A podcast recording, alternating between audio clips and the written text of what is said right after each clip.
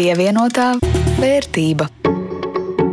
Sveicināti pirmdienā ēterā raidījums pievienotā vērtība, ar to studijā Jānis Ramāns no Latvijas radio un Rudīts Pakausks no Latvijas televīzijas. Šodien par sankcijām un kā tām izsekot līdzi, kā pārbaudīt savus biznesa partnerus un galu galā pašam nenokļūt šādos sarakstos. Un, protams, runāsim arī par aktualitātēm un ieskatīsimies kādam no Baltijas biržas uzņēmumiem, mēģinot saprast, cik interesants investoriem ir tā akcijas. Pievienotā vērtība. Vispirms labā ziņa. Iekšzemes koprodukta pieaugums gada pirmajā ceturksnī Latvijā 6,7% plusā. Labāk nekā cerēts, un jūtams Covid beigu pozitīvais efekts ar pilnu sparu strādā ēdināšana, transports un citas līdz tam ierobežotās nozares. Bet arī te neiztikt bez pesimisma. Šā gada pirmā ceturkšņa labie rezultāti neko negarantē nākotnē. Analītiķi saka, ka uz gadu otro pusi situācija Latvijas ekonomikā būs izaicinoša.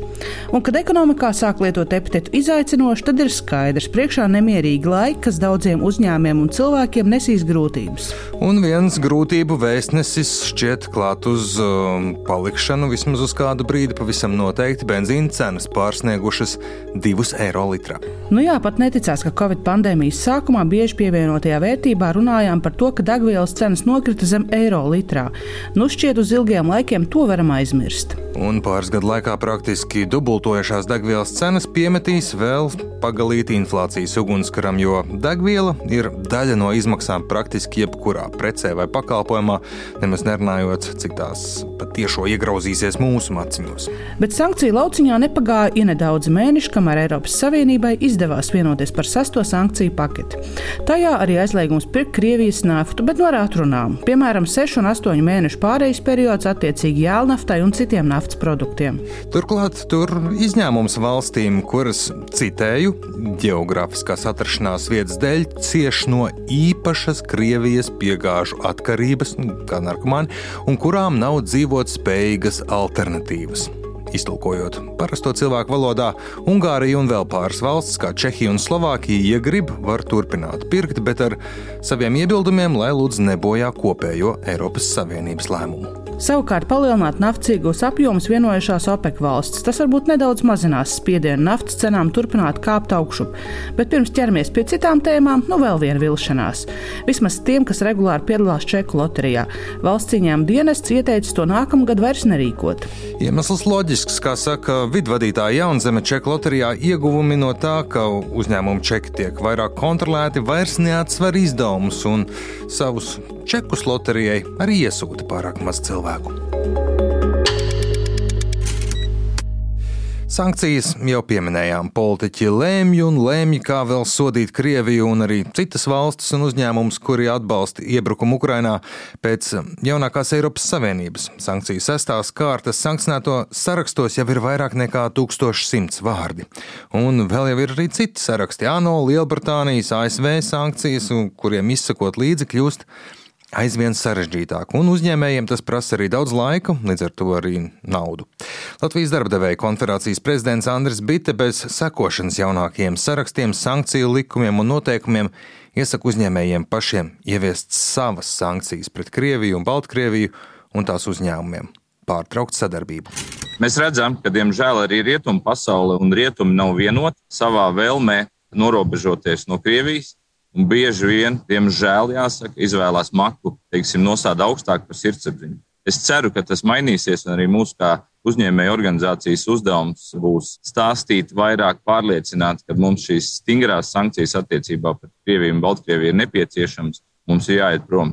Bet neatkarīgi no tā, kāda ir šī kopējā nostāja, katrs no mums kā uzņēmējs var pieņemt iekšējās sankcijas nedarboties, nesadarboties. Vienalga, vai tas vēl joprojām ir atļauts vai nē, ne ar vienu uzņēmumu, ne ar vienu sadarbības partneri, bijušo vai jaunu no šī reģiona.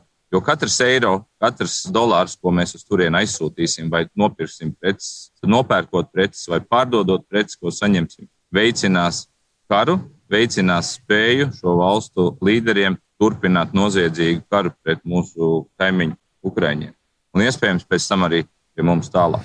Protams, darboties tikai pēc sirdsapziņas un labiem nodomiem, kas neapšaubām ir būtiski uzņēmumiem, gan var būt arī par maz. kā speciālā Latvijas Tirzniecības un Rūpniecības kameras rīkotā seminārā uzņēmējiem par šo tēmu saka SEB bankas sankciju eksperts Vitālijas Bogdanovs. Šobrīd vēlams pārbaudīt jebkuru savu klientu un sadarbības partneri, un nevajadzētu paļauties, ka bankas to izdarīs jūsu vietā. Visos gadījumos pārbaudiet savu sadarbības partneri un saistītās puses, aģentus, starpniekus pret sankciju sarakstiem, iespēju robežas noskaidrojot faktiskus īpašniekus. Skaidrs, ka tas nav viegli un dažreiz nav iespējams, tāpēc arī iespēju robežās. Arī uh, valdes locekļus, akcionārus, pārstāvjus, tad visus, ko attiecīgi var pārbaudīt pret sankcijām, ir jāpārbauda.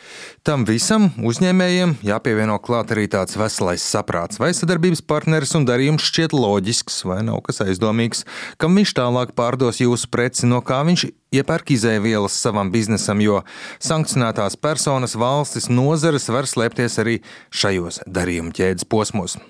Protams, likumi nosaka, ka jāievēro Eiropas Savienības, Latvijas, ANO noteiktās sankcijas, un tad tāda kā pelēkā zona ir piemēram ASV un citu valstu ieviestās, par ko var būt dažādi viedokļi, jo obligātas jau tās nav, taču Finanšu nozares asociācijas juridiskais padomnieks Edgars Pasters iesaka ar uguni nespēlēties, jo tā paši var nonākt šo valstu sankciju sarakstā. Es to diemžēl nesauktu par izvēli, es to sauktu par piespiestu lietu, un tā jums ir jāievēro faktiski tā kā tāpat gan arī Eiropas Savienības sankcijas, ar to niansi, ka par viņu neievērošanu Latvijā sots jums, ja vien nesat finanšu sektorā, nedraudēs. Bet uh, iespēja zaudēt piekļuvi finanšu sistēmai un nokļūt ASV sankcijās, kas jūs principā efektīvi kā uzņēmumu iznīcinās. Tagad šo risku vadības dēļ šīs sankcijas es ieteiktu ievērot, par to daudz nediskutējot. Tādiem mazam vai vidējam uzņēmumam ar šo visu tik galā, visu pārbaudīt, ir izaicinājums. Pastars aicina nedarīt visai tipisko kļūdu. Visas sankciju lietas vienkārši nogrūst saviem juristiem, lai tie tiek galā. Viņš drīzāk iesaka vadības līmenī kārtīgi izvērtēt sava biznesa risku, kas ir tie svarīgākie biznesa partneri, kuri ir riskantākie. Un skaidrs, ja sadarbības partneris svarīgs, bet riskants, tad varbūt ir vērts ieguldīt laiku un naudu, lai pārliecinātos, izpētītu, vai viss ir kārtībā. Bet iespējams, kāds riskants klients vai partneris no bīstamas valsts nav to ieguldīto pūļu, riska un naudas vērts. Vēl viena kļūda ir cerēt, ka par dārgu naudu nopirkti automatizēti rīki atrisinās visas problēmas, jo bez cilvēku veselā saprāta sankciju jautājumā neiztikt. To atgādina arī Lursoft korporatīvo klientu konsultants Jānis Rozenbergs, atgādinot, ka visai daudz rīku, sankciju un uzņēmumu pārbaudē internetā ir pieejami bez maksas. Sankciju pārbaudēji nevienmēr būs vajadzīgas lielas, dārgas IT sistēmas skatāmies, kādi ir jūsu klienti, kādi ir jūsu darījumi. Un vienkāršos gadījumos, ja, piemēram, jūsu darījuma partneri ir pārsvarā fizisks personis, mēs pilnīgi varam iztikt ar bezmaksas risinājumiem. Meklēt FIDA mājaslapā, OFAC mājaslapā, tā pašā Lursoft sankciju meklētājā, pieejamas bez maksas un bez autorizācijas. Plus, ja jau mums tajā klientu bāze ir sarežģītāka, skatāmies, kādi ir pieejami šie sankciju servisi, Bet atceramies vienu. Nekad mēs nevarēsim noautomatizēt visu. Vienmēr būs vajadzīgs cilvēciskais faktors, kas pieņems gala lēmumu, vai tā tad mēs varam sadarboties ar šo personu vai nē. Lai pasargātu uzņēmumu no negatīvām sakām, šobrīd jābūt ļoti uzmanīgiem. Kā skaidro advokāts Edgars Pasters, pat ja uzņēmums, ar ko sadarbojaties, nav sankciju sarakstos, tā rīcība var kļūt arī par jūsu atbildību ir jāskatās arī krietni plašāk. Arī tad, ja jūsu klients nav sankcionēts, bet varbūt tā, ka jūsu darījums nāk par labu sankcionētai personai netieši, vai pats jūsu klients vai nu pārkāpj preču sankcijas, vai kā citādi, jūs no tā varat kļūt atbildīgs. Tā ir skaitā, piemēram, arī pasūtītājs publiskajā iepirkumā, ja būvnieks iebūvēs jūsu pasūtītajā mājā sankcionēto tēraudu, un jūs nebūsiet veicis pasākums, lai to kontrolētu, pēc būtības arī jums var iestāties atbildība par šī būvnieka pārkāpumu. Un līgumiski šo atbildības tā vienkārši pārlikt uz būvnieku nevar pievienotā vērtība. Labā aizvadītā nedēļa bijusi Baltijas biržā. Kāpums gan Tallinā, gan Rīgā, gan Viļņā. Rīgā lielākais pieaugums - 4,89% plusā. Tallinā un Viļņā mazāks - attiecīgi 0,4 un 0,2%. Rīgai galvenokārt par labu nāca Latvijas gāzes akciju cenu pieaugums. To mūsu personīgajos portfeļos nav. Līdz ar to, attiecīgi manā frontē, jeb ieguldījuma portfelī, bez būtiskām pārmaiņām kopējā vērtība mazliet virs 450 eiro. Tev, Rudīt, kāds ir būtisks kustības? Nu, man bez būtiskām izmaiņām. Neliels pieaugums, bet nu, līdz tavu portfeļa vērtībai vēl augt un augt. Šobrīd mana portfeļa vērtība ir 399,45 eiro. No plus apmēram vēl 10 eiro, ko saņēmu dividendēs, un vēl neesmu iztērējis. Nu, nevar saprast, kuras akcijas pirkt. Nu, nav jau rudīt tas nemaz tik tālu. Kas gan mūsdienās ir 40 eiro? Pat pusbāka degvielas nesenāk. Varbūt mums jāsāk skatīties uz kādu stabilu, salīdzinoši drošu ieguldījumu, nu, kā piemēram nekustamie īpašumi Uz šo tirgu, starp citu, šonadēļ skatījās arī mūsu kolēģi Līna Zalāna, kur lūkoja, kā veicas biržā kotētam uzņēmumam šajā reizē. Interesējoties par Igaunijas slēgto alternatīvo ieguldījumu fondu FTN Real Estate fondu. Tas darbojas vienā nozarē - komerc īpašumi. Fonds pievilcīgs ar to, ka ik gadu izmaksā dividendes, bet no otras puses tā veiksme vai neveiksme iet roku rokā ar nekustamo īpašumu tirgu Baltijā. Ja iet labi, investori pelna, bet, ja ne, tad likumsakarīgi nepelna. Plašāk Lindas Zelāns veidotajā ierakstā. Eften Real Estate Fund ir 2015. gadā dibināts valsts slēgtais alternatīvo ieguldījumu fonds, kas investē naudas plūsmā, radot komerciāls īpašumus Baltijas valstīs. Ieguldījuma eksperts Invil pensiju fondu valdes priekšsēdētājs Andrēs Martīno skaidro, ka slēgtais fonds ir investoru naudas kopums, kas ir apvienots ieguldījumu fondā. Ir kaut kāds brīdis, kad tā investoru nauda tiek sāsaukta vai savākta vai organizēta tajā pūlī, un notiek tā saucamā e, ieguldījuma apliecību emisija. Un kaut kādā brīdī tas tiek nu, izbeigts, tāpēc ka tā nauda ir savākta, tā, kura ir e, plānota. Un tad ir tas ieguldījuma fonds, bet viņš palielam kā uzņēmums darbojas. Viņš e, vairs naudu jaunu nepieņem, un arī investoriem neizmaksā kā būtu atvērto ieguldījumu fonda ziņa. Parasti šāda veida fondi darbojas 5 vai 10 gadus. Termiņš investoriem tiek paziņots jau no sākuma, kad tiek dibināts fonds. Nauda apgrozās uzņēmuma iekšienē un netiek izmaksāta investoriem, un investori šo naudu nevar arī pieprasīt. Un tad kaut kādā brīdī, kad saskaņā ar šo fonda prospektu tā darbība tiek izbeigta, tad eh, visa nauda ar visu to pieaugumu ar vērtības pieaugumu tiek izmaksāta investoriem. Esten Real Estate Fund iegulda komerciālā nekustamo īpašumu segmentā, kas nodrošina naudas plūsmu no nomas.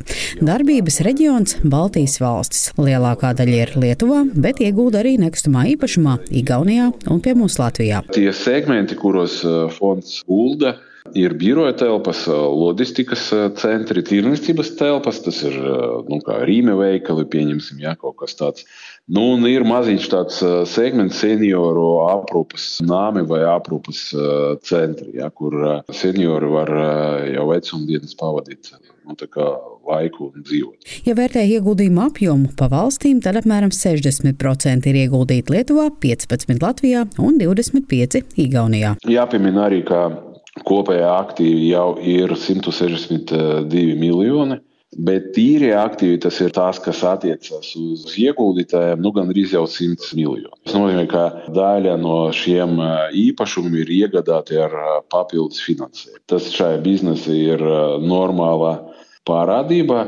Martīnos skaidro, ka vērtējot šādus uzņēmumus, ir jāskatās tirgus vērtība pret bilances vērtību, jo zemāk, jo izdevīgāk ieguldīt. Šobrīd attiecība ir viens pret viens, proti ir 10% uzcenojums īpašuma tirgus vērtībai. Tirgus vērtība tiek rēķināta reizi ceturksnī. Uzņēmums pelna divos veidos - no tā, ka nekustamā īpašuma tirgus vērtība pieaug un no ienākumiem, kas nāk no nomas maksas naudas plūsmas. Pārējā nauda, kas paliek no naudas naudas plūsmas tiek ik gadus izmaksāta dividendēs. Tā pārējā nauda kas paliek no tās naudas plūsmas, eh, tiek izmaksātas dividendes. Restīvi tas šis fonds eh, vai pārvaldnieks, kā uzņēmums Eftens, viņi katru gadu maksā dividendes. Nu, un, eh, Par iepriekšējo gadu, un tik, tikko notika tā izmaksa 6. maijā, viņi izmaksāja 80 centus par vienu akciju. Savukārt, akciju cena ir kaut kur drusku zem 22 eiro, 21,7. Nu, kā, ja mēs paskatāmies pēdējā laika, tad ir notikuši nu, tāda tā kā, tās vērtības pieaugums, jo tas iet kopsolī ar nekustamo īpašumu tirgus pieaugumu. Bet skaidrs, ka tas karš Ukraina vienu brīdi deva tādu negatīvu impulsu, tāpēc ka nu, bija bailes, ka kas var notikt, ja, ka tas karš Eiropā varbūt attīstīsies plašāk, ne tikai Ukraina. Un tad investori iztirgoja drusku, tirgoja no tas visas uh, Baltijas uh, vērtspapīrus, tā skaitā arī šo fondu, jo nu, te ir nekustamais īpašums. Un, kad paskaties, kas notiek, pieņemsim, Ukraina, jā, un tad redz, ka tur visu iznīcina, visu infrastruktūru, nu tad skaidrs, ka bailes vai bāžas nu, palielinās. Martīno stāsta, ka līdz ar Krievijas sākto karu Ukrainā notika negatīvas svārstības nekustamo īpašumu tirgu, kas ietekmēja arī investoru uzvedību, kas iztirgoja Baltijas vērtspapīrus, tostarp arī Hefton Real Estate fonda akcijas. Bet šobrīd šī fonda akcijas cena ir atkopusies un sasniegusi pagājušā gada vidus apjomu. Eksperts teica, ka fonda daļas ir pievilcīgas tiem investoriem, kuriem ir interese ieguldīt Baltijas nekustamo nekustamo īpašumu tirgu. Tomēr jārēķinās, ja nekustamo īpašumu tirgu ir lejupslīde, tad tas atspoguļojas arī akcijas vērtībā. Linda Zalāne, Latvijas radio. Ar to arī izskan šīs nedēļas raidījums pievienotā vērtība. Ar to studijā bija Rudīts Pakauska no Latvijas televīzijas un Jānis Ramāns no Latvijas radio par skaņu rūpējās Renārs Šteimanis. Atgādinu, ka šo un arī iepriekšējos pievienotās vērtības ierakstus var atrast Latvijas radio arhīvā un arī lietotnē. Uz tikšanos pēc nedēļas!